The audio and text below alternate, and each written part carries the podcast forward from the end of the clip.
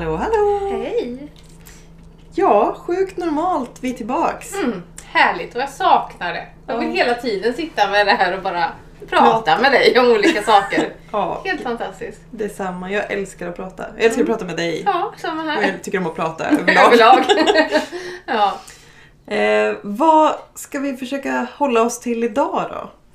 Jag tänkte att jag har fått lite så här mejlfrågor om min eh, ADHD-resa, hur det kom att jag fick en eh, diagnos och, och hur det visar sig på mig och så.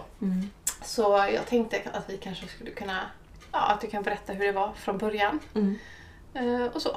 Det tycker jag låter som en... eh, Jag vet ju en del men, men vi har inte pratat så ingående om din Mm. Nej, eh, så jag resa att du får egentligen. gärna liksom fråga så får jag försöka liksom Ja, mm, fylla ut. och jag tänker för nu de senaste avsnitten så har vi pratat lite grann om, eller du berättade framförallt om din resa med depressioner och Mm. ångest och att du har mått väldigt dåligt. Så jag Mm. tänker det knyter ju an lite grann till det. Precis.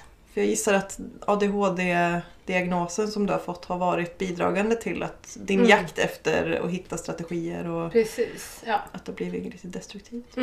Och finns det intresse sen så tänker jag att man kan gå djupare in i varje grej. Att vi kan prata om ätstörningar, vi kan prata om självskadebeteende och man kan prata om om generaliserat ångestsyndrom och sådär. Men kan börja från början hur, hur jag ens fick en diagnos. Mm. Så berätta då. Hur, Ja, hur fick jag en hur diagnos? fick du din diagnos? Eh, nej men jag var ju 32 år eller någonting va? Mm. Sånt där. Eh, så jag var ju vuxen och eh, det var ju inte så att jag tänkte att jag hade ADHD och det var inte så att någon någonsin har anklagat mig för att ha ADHD heller. Utan jag var ju en tjej som var väldigt duktig i skolan. Mm. Eh, som, ja nej men jag skulle nog säga att jag kanske hade svårt att koncentrera mig för jag minns att jag tittade ut genom fönstren väldigt mycket och drömde sig bort, mig bort mycket. Men eftersom man inte kan jämföra liksom sin koncentrationsförmåga med någon annan så tänkte jag att liksom, ja, det är väl samma som alla andra liksom. Du var inte liksom... För jag tänker ADHD förknippar man ju många gånger med att man hörs väldigt mycket, man tar Mm. mycket plats, man är liksom studsig. Nej och, precis. och, och jag tänker när jag träffar dig i vuxen ålder, Mm, du är ju, du, man kan ju inte tro att du Nej. har ADHD om Nej. man inte känner dig. precis. Eh, nej, jag, jag var ju en väldigt tyst tjej och väldigt duktig och, och följde alla regler och sådär, så att det var ingen någonsin som skulle anklaga mig för att ha ADHD om man säger så. Och jag hade ju en lillebror med ADD-diagnos också som var det här typiska exemplet, problem i skolan och konflikter och sådär. Eh, Så när jag tänkte på ADHD så tänkte jag ju på honom, eller på den slags problematiken. Eh, Men som jag berättade i tidigare avsnitt så har jag ju mått dåligt eh, i hela livet. Liksom, och aldrig liksom kunnat sätta fingret på vad det är och mått dåligt på olika sätt. Och sen så vet jag att jag satt på jobbet en dag och skulle googla på fobi tror jag det var. Jag skulle hjälpa en, en klient. Och så, så snubblade jag över någon sida där det stod att eh, depressioner, ångest, självskadebeteende och ätstörningar hör ofta ihop med ADHD hos tjejer. Mm.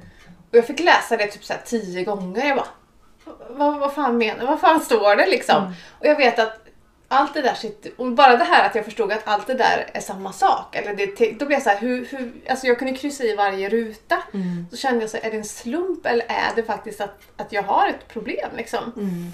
Ehm, För du hade inte fått någon diagnos då? Du hade inte Någonsin. fått GAD Nej. eller Nej. ingenting av det? Nej. Ingenting då när jag upptäckte det här, för det var ju några år innan jag ens fick det.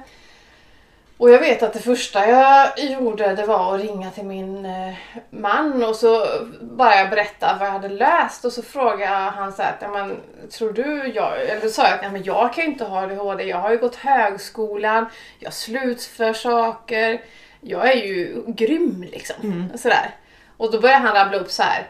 Du, du, har, du har ett växthus här med inget tak, du kan inte slutföra det här, du kan inte laga... Ja, men då rabblade han upp massor med saker jag inte kunde. Jag bara, ha? liksom, massor med saker som jag... För jag har ju också massor med projekt som jag inte slutför, fast de syns ju kanske inte så tydligt liksom. Ehm, så då sa han att, jo men nu när man tänker efter så känns det som att du har nog Det kan stämma liksom. det kan nog stämma att du har ADHD. Han sa, han sa också det att jag har inte tänkt på det på det sättet men absolut för jag har ju en oförmåga att, att sitta still eller bara ta det lugnt och, och sådär också. Eh, så, och då vet jag att jag ringde till min mamma och också sa där, hon bara nej, nej. eh, din lillebror har ADHD men nej du har inte, du har alltid varit en så snäll och duktig flicka liksom. Ehm, och jag, det, jag tog, det, det tog nog ganska lång tid innan jag ens gick till vårdcentralen och sökte ut. Jag läste ju på väldigt mycket liksom och började känna igen mig och tänka kan det vara så här? Och jag minns att det var en ganska jobbig period för att på ett sätt blir jag så här, om jag inte har ADHD så blir jag ledsen för att jag inte hittar problemet. Liksom, varför mår jag så dåligt?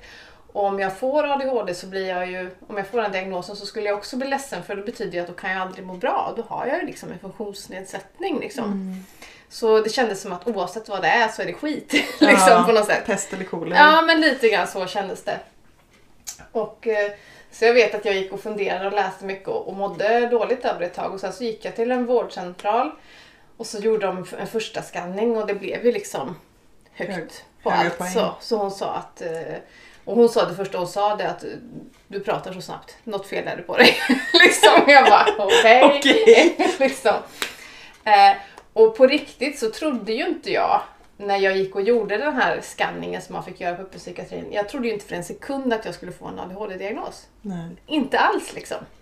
För jag tycker ju att jag är jätteväl fungerande. Mm. Och det är jag ju idag. Eh, Men jag vet att varje test jag gjorde, man gjorde så här koncentrationstest till exempel. Eh, Där man skulle trycka på en knapp när det kom ett X eller någonting. Och jag misslyckades ju liksom brutalt då. Så han sa att det här visar ju på att du har impulssvårigheter. Och jag bara, nej men det här är ju svårt för alla. Han bara, ja fast det är väl lite svårare för dig. Jag bara, nej. Nej, du vet jag, jag nästan vägrade. När de presenterade det här för mig liksom, så var det nästan så här att Nej men jag är som alla. Jag Det är så det är för alla liksom. Ja, det är så det är för alla. Det är, jag, jag passar inte in i den här mallen. Så inte ens när de sa till mig, när jag fick hem det här pappret att det tyder på att du har en ADHD-diagnos med generell ångest. Liksom, så kände jag att nej, men de har fel. Mm. Det är någonting som har blivit fel för det, jag kan ju inte ha det. Mm. Jag är ju för, för liksom, jag fungerar ju för bra. Eh, men, men det är också anledningen till att jag har mått så otroligt dåligt. Mm. Eh, och det, det svåra, just det här med koncentrationsproblem. För de sa ju då till mig, när man, man har ju känt sig ganska osmart eller dum hela sitt liv för att jag har svårt att koncentrera mig, jag har svårt att höra vad någon, jag försvinner bort, det syns inte på mig men jag hör inte vad någon säger, jag bara försvinner. Är det inte spännande, är det intressant så, så hör jag inte alls liksom. Eh, och jag minns ju i skolan, man har ju alltid känt sig väldigt dum och jag har alltid i hela mitt liv tänkt att jag är jätteosmart. Alltså Mm. helt ointelligent, jag klarar ingenting. Jag trodde ju liksom att jag skulle få IG på allting för att jag, jag kan inte bättre liksom. Um, jag minns nästan inte vad jag skulle komma fram till. Men så när min klasskompis hon fick liksom MVG genom att bara sitta och lyssna på lektionerna själv så kämpade jag som en galning liksom. Mm. Och då kunde jag få MVG. Var det liksom att du fick läsa, alltså studera på egen hand? Att du läste Jag fick i läsa, efterhand liksom? ja, eller hur? Jag fick läsa mycket mer. Jag såg det, vi bodde ju ihop under gymnasietiden så jag såg att jag får anst- för att få MVG, jag lyckades att få MVG, det kunde jag klara. Men för att få samma betyg som henne fick jag kämpa dubbelt så mycket. Mm. Hon kunde gå ut och festa eller liksom roa sig på fritiden men jag var tvungen att sitta och plugga liksom dygnet runt och då fick vi samma betyg. Och för mig så betydde ju det att jag var osmart. Ja. Och när läkarna sa till mig att du, du har högre IQ än genomsnittet så började, tänkte jag också så här, ni, är ju, ni har ju fel. Han bara, och då försökte han förklara, liksom, jag fattar ju inte. Men, men då sa han att du har koncentrationsproblem som gör att du når, du når upp till en vanlig nivå. Liksom. Ja. Men du skulle kunna klara bättre om du hade kunnat koncentrera dig. Liksom. Och då följer en polett ner liksom att, jaha, att, liksom att, att jag har haft svårigheter i hela livet som jag inte vetat om. Så när jag fick den här diagnosen så blev det också en stor sorg. Mm. Liksom att, jaha, jag, tänk att jag har gått och trott att jag varit dum i, i 30 år. Liksom. Och så har du högre IQ än, än, Än genomsnittet. ja. liksom. Och, och bara det liksom gör ju att det blir en jättesorg. Mm.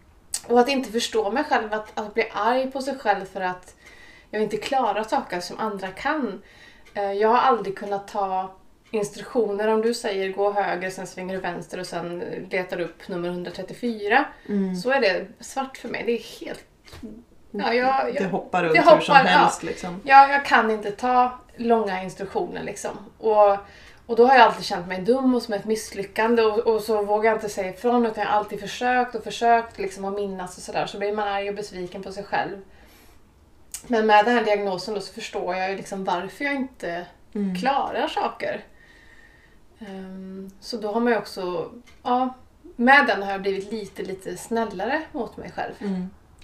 Och jag tänker, dels så tänker jag alltså vad mycket du har kämpat Mm. mot dig själv Mm. för att passa in i, i normen liksom, Mm. eller att prestera på samma sätt. Mm. För att, att du presterar, det är ju ingen, alltså du är ju grym. Mm. Du presterar ju skitbra Mm. på mycket liksom. Mm. Ehm, men, men just att komma på det här, för, för du är ju fenomenal på att tänka utanför boxen. Mm. Det är ju en förmåga som du har som jag verkligen älskar hos dig. Att du Mm. liksom eh, Ja men du kommer på idéer som jag som är så inboxad Mm. skulle aldrig ens kunna liksom se de möjligheterna som du faktiskt ser. Mm. Eh, och det, det är ju en, en stor fördel tänker jag. Det har ju säkert med, Mm. med din diagnos att göra. Att du, Mm. du inte är så inrutad som alla andra. Ja, precis. Eh, men vad var det jag ville komma fram till? Jag är ju helt förvirrad själv. Ja. Eh, nej men det jag skulle fråga var ehm, när du, för du, du, du såg den där artikeln och började läsa om, om ADHD mer och mer och liksom kände igen dig själv. Men vad var det som gjorde att du tog, tog den här kontakt med vårdcentralen? Nej, men jag mådde nog... Jag, jag, jag ville nog ha svar på varför mår jag så dåligt? Varför, varför mår jag inte bra? Varför känner jag bara... Ja men... Jag hade liksom ont i själen liksom. Mm. Jag har ju mått dåligt hela, hela livet liksom. Eh, och jag... Ja, så det, jag ville nog ha svar. Mm. Att kan det här vara lösningen liksom? Mm. Eh, sen blev ju inte en diagnos en lösning på något sätt. Nej, det är ju bara ett svar. Det är ju bara ett svar. Du står ju där med samma utmaningar fortfarande. Ja precis, så när jag fick den här diagnosen så brukar jag beskriva det var som att få ett paket med skit liksom. Varsågod. och så bara, vad fan ska jag göra med det här? Mm. Ehm, så jag kände mig inte lättad eller glad utan tvärtom så kände jag mig väldigt ledsen. Mm. Över att jag har gått så lång tid och ehm, ja, men tänkt så elaka tankar om mig själv och tvingat mig själv till så mycket och försökt så mycket och ansträngt mig så mycket och sådär. Ehm, så det, räddningen bli, blev ju liksom att eh, kanske bli snällare mot mig själv. Mm. Eh, och förstå varför jag gör som jag gör. När jag gör impulsiva saker så kan jag liksom förlåta mig själv för det. Att Mm. oj, nu blev det så igen. Eller nu tänkte du inte klart. Eller liksom Nej. att jag förstår mig själv på ett sätt. Men jag tänker själva den här, för, för mig kan, så kan jag känna att jag har varit i kontakt mycket med psykiatrin och mött väldigt många personer med olika diagnoser och så i mitt yrkesliv Mm. framförallt. Eh, Men för mig är hela den här utredningsprocessen ett enda stort frågetecken. Mm. Hur lång tid tog det för dig att göra utredningen? Alltså vad, vad, hur var själva den delen? Jag fick ju komma några gånger eh, dit och så gjorde man olika, man hade samtal, de ställde massor med frågor, man svarade på frågor från en dator. Man gör ju något form av IQ-test och man gör impulstest. Och sen pratade jag med min familj, för mycket är ju att de kollar av Hur hur min bakgrund, för att ADHD handlar ju inte om att ha problem i livet just nu. Nej. Då har man ju haft problem hela livet. Mm. Ehm, Så hade jag inte haft problem hela livet så hade jag nog inte fått en diagnos för jag är ganska välfungerande som vuxen. Eller jag är väldigt Du är välfungerande väldigt vuxen. välfungerande. Eh, Så hade jag inte haft de så stora svårigheterna jag hade som barn så hade jag nog inte fått en diagnos. Utan då hade det förmodligen varit att jag mm, ja, varit utmattad eller liksom tillfälliga koncentrationsproblem. Liksom. Mm. Så jag tror att min bakgrund var ju väldigt stor liksom, orsak till att jag kunde få den. Men jag minns inte så mycket men man gör massor med olika former av tester och svarar på frågor och ja, målar på papper och bygger med klossar och jag Ja. vet inte ens. Och, och även om jag fick förklaringar, och det tycker jag också på psykiatrin för jag vet när man kom dit och de förklarade att man fick den här diagnosen liksom, så satt han och pratade massor. Och när jag gick ut därifrån så minns jag ju ingenting. Ja, Nej. jag vet ingenting. Eh, och det är också någonting som ingår i diagnosen så jag tänker att de som jobbar med det borde veta att ta med dig någon Ja. som kan få, eller ge dig all information. Liksom, så att eh, jag fick gå dit igen och bara, vad var det ni sa? Ja. Jag fattar inte liksom. Sådär. Mm. Eh, så. Ehm, nej, så just då, de, de åren när man höll på där och när man fick det, det var en, en väldigt jobbig tid för mig. Sen vet jag att väldigt många blir tacksamma och glada, liksom känner att det liksom Mm. fått jättemycket.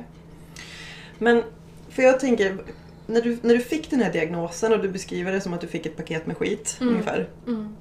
Eh, och det är ju egentligen då resan börjar. När du, när du, när du har en förklaring på varför det blir, alltså varför du är impulsiv och Mm. varför du inte klarar av kanske att att göra saker på vissa sätt som du förväntas göra enligt Mm. normer eller vad det nu är för någonting. Eh, hur såg tiden ut efter? Mm. För du jobbar ju väldigt mycket med dig själv vet ju Mm. jag. Men, Mm. men liksom... Men det jag gjorde, precis som jag sa, så kändes det verkligen som att jag bara hade massor med skit i min famn och var ska jag göra av det här liksom. Jag kände bara att jag hade, ingen, jag hade fortfarande ingen att prata med, jag fick ingen hjälp, liksom. vad, vad skulle jag göra med det? Ehm, så det som hände, det var att jag tänkte att jag, jag kan dela med mig till andra. För grejen är att jag, innan det här, så skämdes jag jättemycket över att jag har liksom suttit och skurit mig själv. Inget jag är stolt över. Jag skämdes över att jag haft ätstörningar och liksom, jag skämdes över Ja men man skämdes över psykisk ohälsa liksom. Mm. Det var inget så, och jag tänkte så här, åh alla som kände mig förr, gud undrar vad de tänker om mig. Och liksom, jag var inte stolt över mig själv. Och så tänkte jag liksom att nu har jag ett paket med skit här, vad ska jag göra med det? Och då kände jag att nej, jag får bara helt öppet bara dela med mig av den här skiten, visa upp den. Jag kan inte gå och bära på det här skitpaketet själv liksom. Ehm, så det jag gjorde det var att börja blogga och det var för min egen skull. Jag skrev bara för mig själv. Mm. Jag skrev ut tankar och känslor och hur jag upplevde livet liksom. Ehm, och sen också började jag prata och, och föreläsa och dela med mig. För ju mer jag delade med mig, alltså bloggen växte ju av sig själv och jag fick kontakt med, eller människor skrev till mig att gud vad jag känner igen mig och tack så jättemycket. Och de fick både kunskap och, och känna igen sig själv och då kände jag mig också liksom att nu blev det här pa- paketet skit mycket finare helt plötsligt. Ja. När det blev liksom, då blev, alltså nu känns det som en gåva. Nu skulle jag ju inte vilja ta bort det liksom. Men Nej. just då kändes det inte så. Så jag jobbade med mig själv genom att dela med mig av mig själv och dela med mig när det gick fel och dela med Mm. mig när jag hittade lösningar och vara brutalt ärlig. När jag kom till ett nytt jobb sa jag jag har ADHD, jag vill inte göra det här. Jag behöver ett eget rum, jag har svårt att koncentrera mig, jag tänker inte åka bil till nya destinationer. Jag var ganska tydlig med här är mina fördelar. Jag är skit, skitkreativ och skitsnabb liksom, men det här är mina nackdelar. Liksom. Mm. Eh, och med det så kände jag att jag kunde vara mig själv till 100% för när jag har blottat alla de här svagheterna så blir ju det en styrka. Liksom. Mm. Ja, men för jag tänker det där är ju att lära sig att se sina svagheter. Mm. Precis som att lära sig att se sina styrkor Mm. är ju ganska svårt. Mm. Eh, för gemene man tänker jag. ju. Mm. Bara, bara att, att lära sig att se det här är mina styrkor. Mm. Men, men hur kände du när du fick diagnosen? Hade du lärt dig liksom vad du hade för svagheter kopplat till just diagnoserna och hade du lärt dig vad du hade för styrkor kopplat till diagnosen? Eller var det någonting som du fick lära dig efter? Det var någonting jag fick lära mig efterhand men sen så glömmer man av det och blir påmind hela tiden för att jag går inte runt och tänker att jag har ADHD. Nej. Jag går ju runt och tänker att jag är en person som är jävligt driftig och kan väldigt mycket liksom och, och sådär.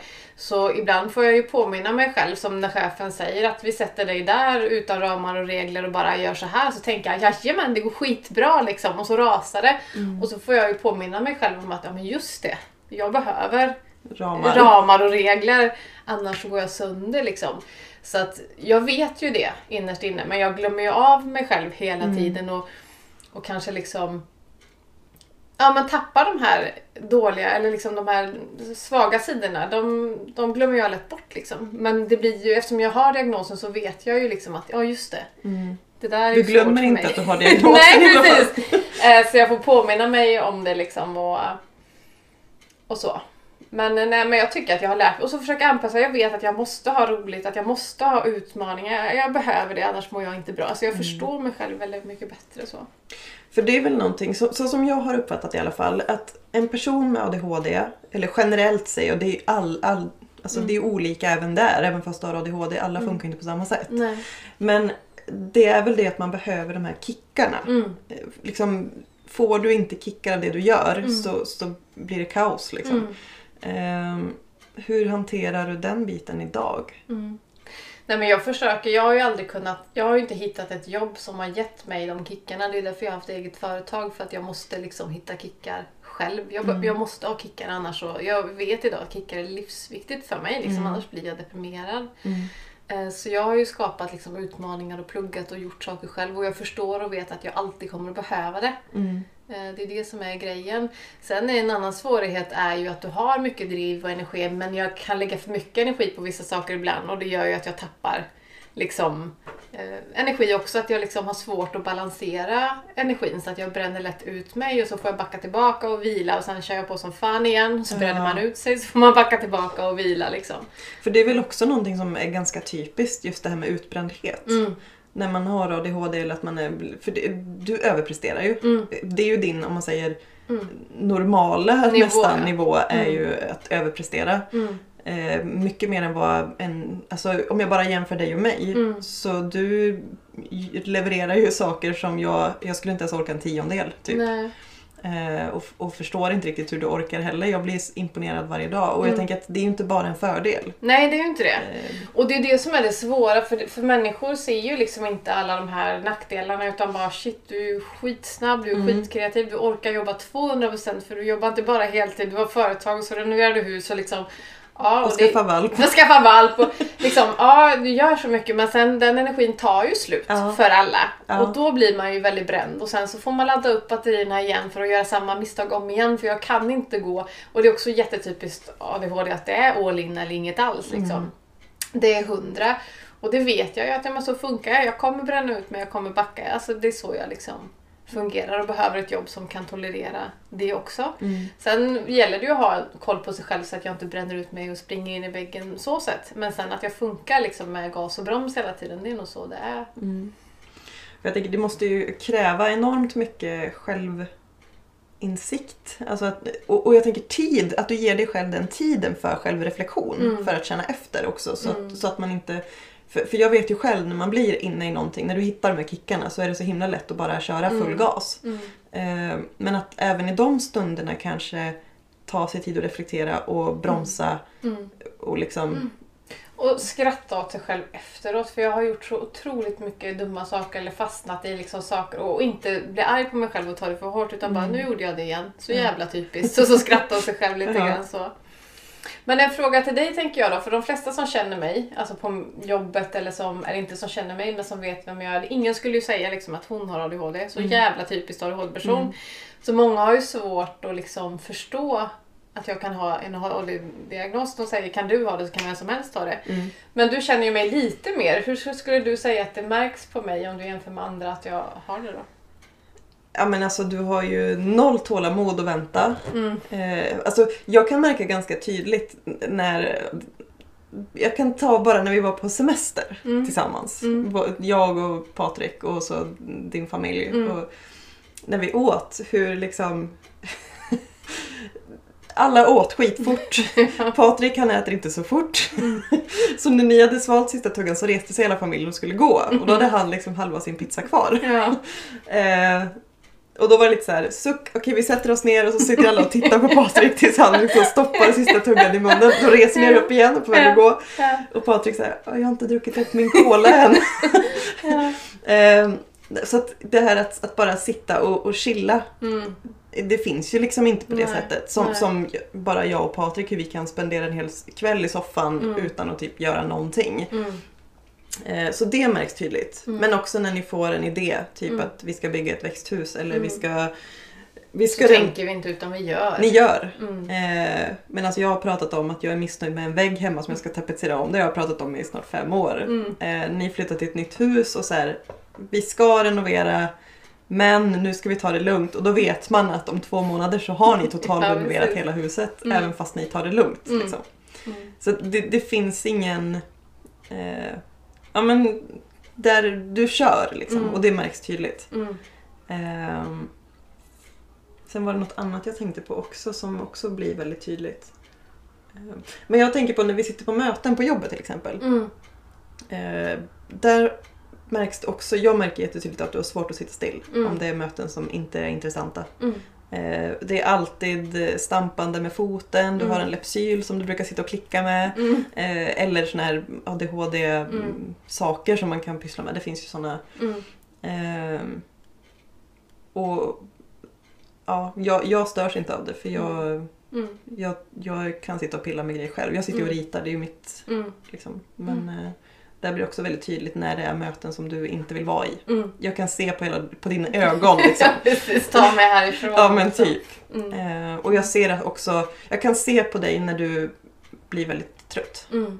Eh, Och det går också väldigt fort. Pang Ja. säger det så försvinner energin liksom. det är som att dra ner en rullgardin och det Mm. syns på din blick. Bara, Mm. D- Vi kan sitta i ett möte och sen Mm. ser jag bara att så, nu är det släckt. Nu, är det liksom, eh, Där var hon nu liksom. behöver hon gå ut eller Mm. liksom gå härifrån. För att, Mm. ja, Mm.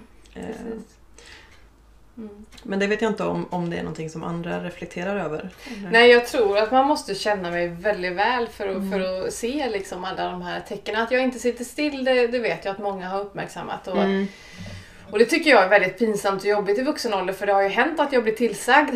Eh, jag vet någon gång när vi var på någon konferens eller så med jobbet när det var en som sa till mig kan du sitta still? Och så kände jag så här: nej det kan jag fan inte. liksom, att, att det, det, det är, det är ta mig fan omöjligt, det går Mm. inte. Då går jag, alltså, och jag, nej. Så, så det är pinsamt och jobbigt många gånger också. Mm. Eh, Men oftast så syns det ju som sagt inte utåt så många kan ju liksom inte förstå för det är ju mer den här inre Ja. problematiken och det kanske är typiskt kvinnligt men inre att jag har så jävla mycket idéer och tankar och kraft och energi och så liksom det nästan bara exploderar Mm. och sen så tar det slut så är det bara helt tomt. Då Ja. har jag noll. Då är det liksom... Soppatorsk. Ja, Mm. och då är jag nästan liksom helt deppig istället sådär. Mm. Så att det är antingen eller och svårt att ha den balansen så. Mm. För jag tänk, det är ju någonting som är väldigt tydligt för dig, det här med att vänta. Mm. Det, det, det är ju inte din... Du avskyr ju att vänta. Ja. Och det har jag ju lärt mig av dig. Det här Mm. att, att när du tvingas vänta, när du väntar på beslut, när du väntar på information, alltså Mm. från externa aktörer som Mm. du inte kan påverka. Liksom, Så kan du i princip bli deprimerad Mm. av att det går för långsamt. Du vill ha svar. Liksom. Mm. Mm. Eh, och det är där jag blir så fascinerad över att du vill hänga ihop med mig liksom, som är så seg så det är pinsamt. Liksom. Eh, Fast det, det känner jag inte. Men, eh, ja, mm. så, och det, det är nog någonting som jag... Ja, men, den här inre kampen som ständigt pågår. Mm. Eh, jag har nog fått ännu bättre inblick i hur mycket det är som händer hela Mm. tiden. Mm. Och jag tänker hur ledsen man kan bli när jag som vuxen, för att även om jag är vuxen idag så är det, jag ser ju på min son som har det så jag kan ju se hans kamp. Men, men det, man kämpar hela tiden med sig själv och med sin energi. Man försöker ändå, jag försöker att vara som alla andra. Så om folk kommer hem till mig och fikar så har jag väldigt svårt att sitta still. Då blir det lätt att nu reser jag mig och tar disken eller torkar av bordet. Eller jag, jag försöker vara trevlig och anpassa mig men att ha gäster för länge då eh, går jag ju sönder. Liksom. Då vet jag inte var jag tar vägen. Och vissa människor vill kommentera att jaha, nu orkar inte hon sitta still längre. Eller ja, nu, nu liksom sådär. Och, och det är ju absolut inte, hade jag kunnat vila, hade jag Mm. kunnat ligga still så hade jag gjort det. Liksom. Ja. Utan för oss, många av oss som har diagnos så finns det liksom inget val. För det att reser jag mig inte nu så sprängs jag. Liksom. Alltså Ja. det finns inget liksom, annat utan jag måste röra mig. Eh, så. Och det är ju för att få det här dopaminet för att vi ska må bra hela tiden, Mm. att man behöver den här aktiviteten. Men jag tänker, nu i vuxen ålder och nu när du har haft den här diagnosen i några år och liksom du har ju hittat enormt många strategier som det här när du sitter på möten att du har med dig ja, men någonting som du kan pyssla med eller Mm. för att kunna vara kvar och sitta där överhuvudtaget. Mm. Och du har ju lärt dig det här att när du har besök eh, jag kan inte sitta och ta en kopp kaffe eller gå ut Mm. på ett fik och bara sätta sig och ta en kopp kaffe och sitta Nej. där i tre timmar. Det, det funkar inte. Liksom. Ehm, vilka är de största utmaningarna för dig idag? Det största är nog att liksom, när saker är, är tråkigt liksom.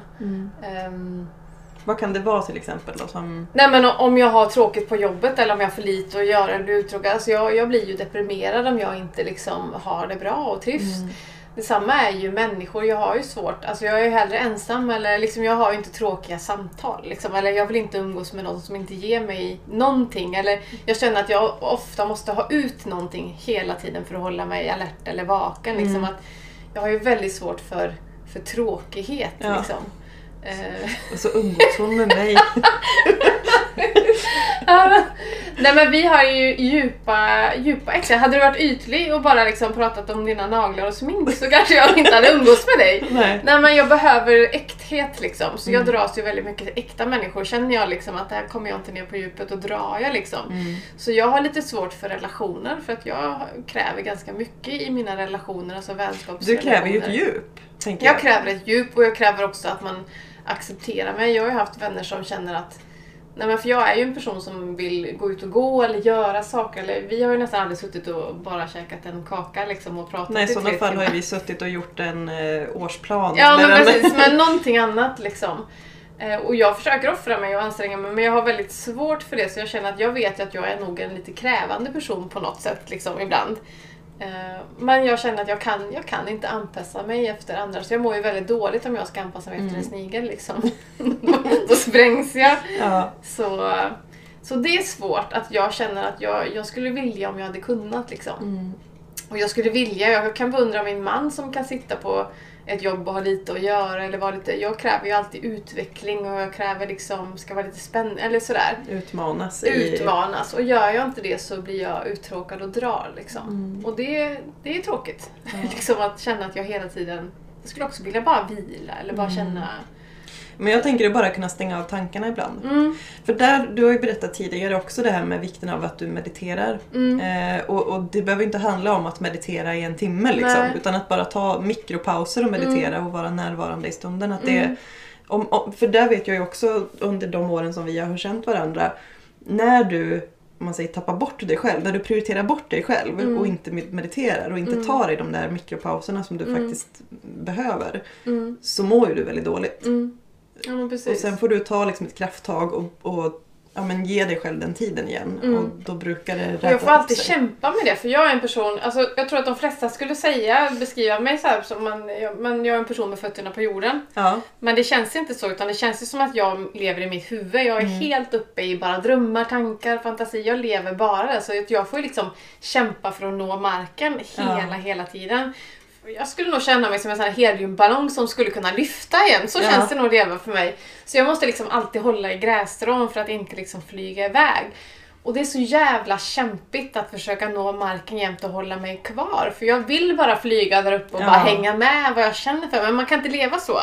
Det blir Livet- väldigt svårt. Det är svårt i dagens samhälle att bara vara en heliumballong och flyga dit vinden går liksom. Ja. Eh, Men så känner jag nog att det...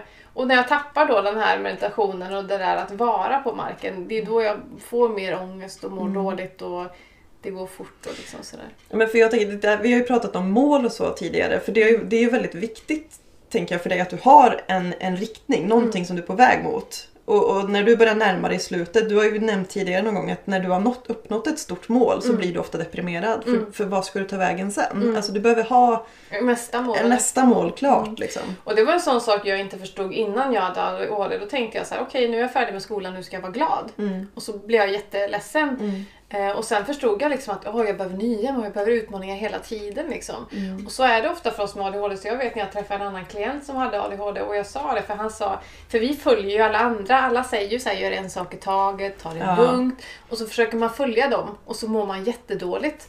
Så när jag sa till honom så här, nej men du kan ha flera mål och han bara, va? Kan jag? Eller liksom att, för vi ska hela tiden försöka följa den där mallen liksom. Ja, Och- normen. Ja. Och då mår man, och då, han blev också så här att det är första gången någon förstår mig liksom. Mm. Ehm, ja. Så att det är magiskt att försöka förstå sig själv. Ja, det är inte det lättaste. Det känns som ett, ett, ett evighetsjobb. För att Mm. jag tänker att man ändras ju också. Och Mm. utmaningarna blir nya med ja, men, saker och ting som förändras runt omkring. Mm. Men jag tänker att vi ska försöka avrunda det här avsnittet. Jag skulle kunna prata jättelänge till med dig om det här. Men Mm. Om det är någon som lyssnar som eh, kanske känner igen sig i utmaningarna som du har beskrivit. Eller Mm. vad skulle du vilja skicka med? Liksom, har du något tips till någon som tror sig ha ADHD eller som har ADHD? Finns det något? Oj vad svårt. Men jag tänker om man tror att man har ADHD så tänker jag att det hjälper att läsa på och behandla sig själv som att man har det. Man behöver liksom inte söka kontakten och få en diagnos utan tänk dig själv att du har diagnosen. Okej, det här är mina svårigheter, det här är mina styrkor. Och lev efter det så att du inte kämpar med att komma ihåg saker eller klara saker som, som är svårt för dig. Utan försök att leva i världen av styrkor istället för världen av svårigheter. Och det är ju jätteviktigt för i vissa jobb, där ska du liksom kunna koncentrera dig mycket, komma ihåg mycket och det, det hade jag varit jättedålig på. Men skaffar jag ett jobb där jag får vara kreativ och komma på nya idéer så glänser jag. Så det han, handlar liksom inte, det handlar om att leva i styrkorna istället för svagheterna. Så att jag Ja. tänker att liksom veta det, det tycker jag förändrade mig. Att liksom jag behöver vara där jag blommar. Mm. Det var någonting mer jag skulle säga nu. Ehm, men det försvann. Det var något smart. Så är det väl alltid bara, ja vad klokt att säga. Ja, men det var, det var någonting. Det försvann i En mitt sån här fin slutkläm liksom. Ja, fan. Jag får, eh, jag Får får, återkomma med den. jag får spela in en liten snutt och så här, klippa in. På, Ja. Nej men så, så jag tänker att det är mycket att lä- läsa på eller ta kontakt med andra och ta en utredning om man vill det. Men... Jo, det var det jag skulle säga med utredning. Mm. Eh, att får du diagnosen på papper, det förändrar ju inte situationen. Det Nej, förändrar inte dina utmaningar. Nej. Det som kan vara bra om du har det på papper är ju att du kanske kan få vissa hjälpmedel. Alltså Mm. Framförallt kanske i skolan. Mm. Eh, nu Mm. vet jag inte, det är en helt annan diskussion. Ja. Men, men där man kan få rätt till stöd och liksom. Mm. Eh, men utöver det så är det ju faktiskt ingen skillnad. Nej. Så att, precis som du säger det här att ja, men behandla dig själv då som om du hade Mm. diagnosen oavsett om du har gjort en utredning eller inte. Precis. Och vara snäll mot sig själv. Och Ja. liksom. mm. Mm. Bra. Precis. Tack Så. till dig som har lyssnat. Ja, och tack tack till dig. Jessica för att du berättar om din resa. Och gärna frågor så pratar vi mer om ni har frågor och funderingar. Bara kör på så svarar vi på dem. Vi länkar i avsnittsbeskrivningen till hemsidan. Jättebra. Hej då! Hej då! Thank you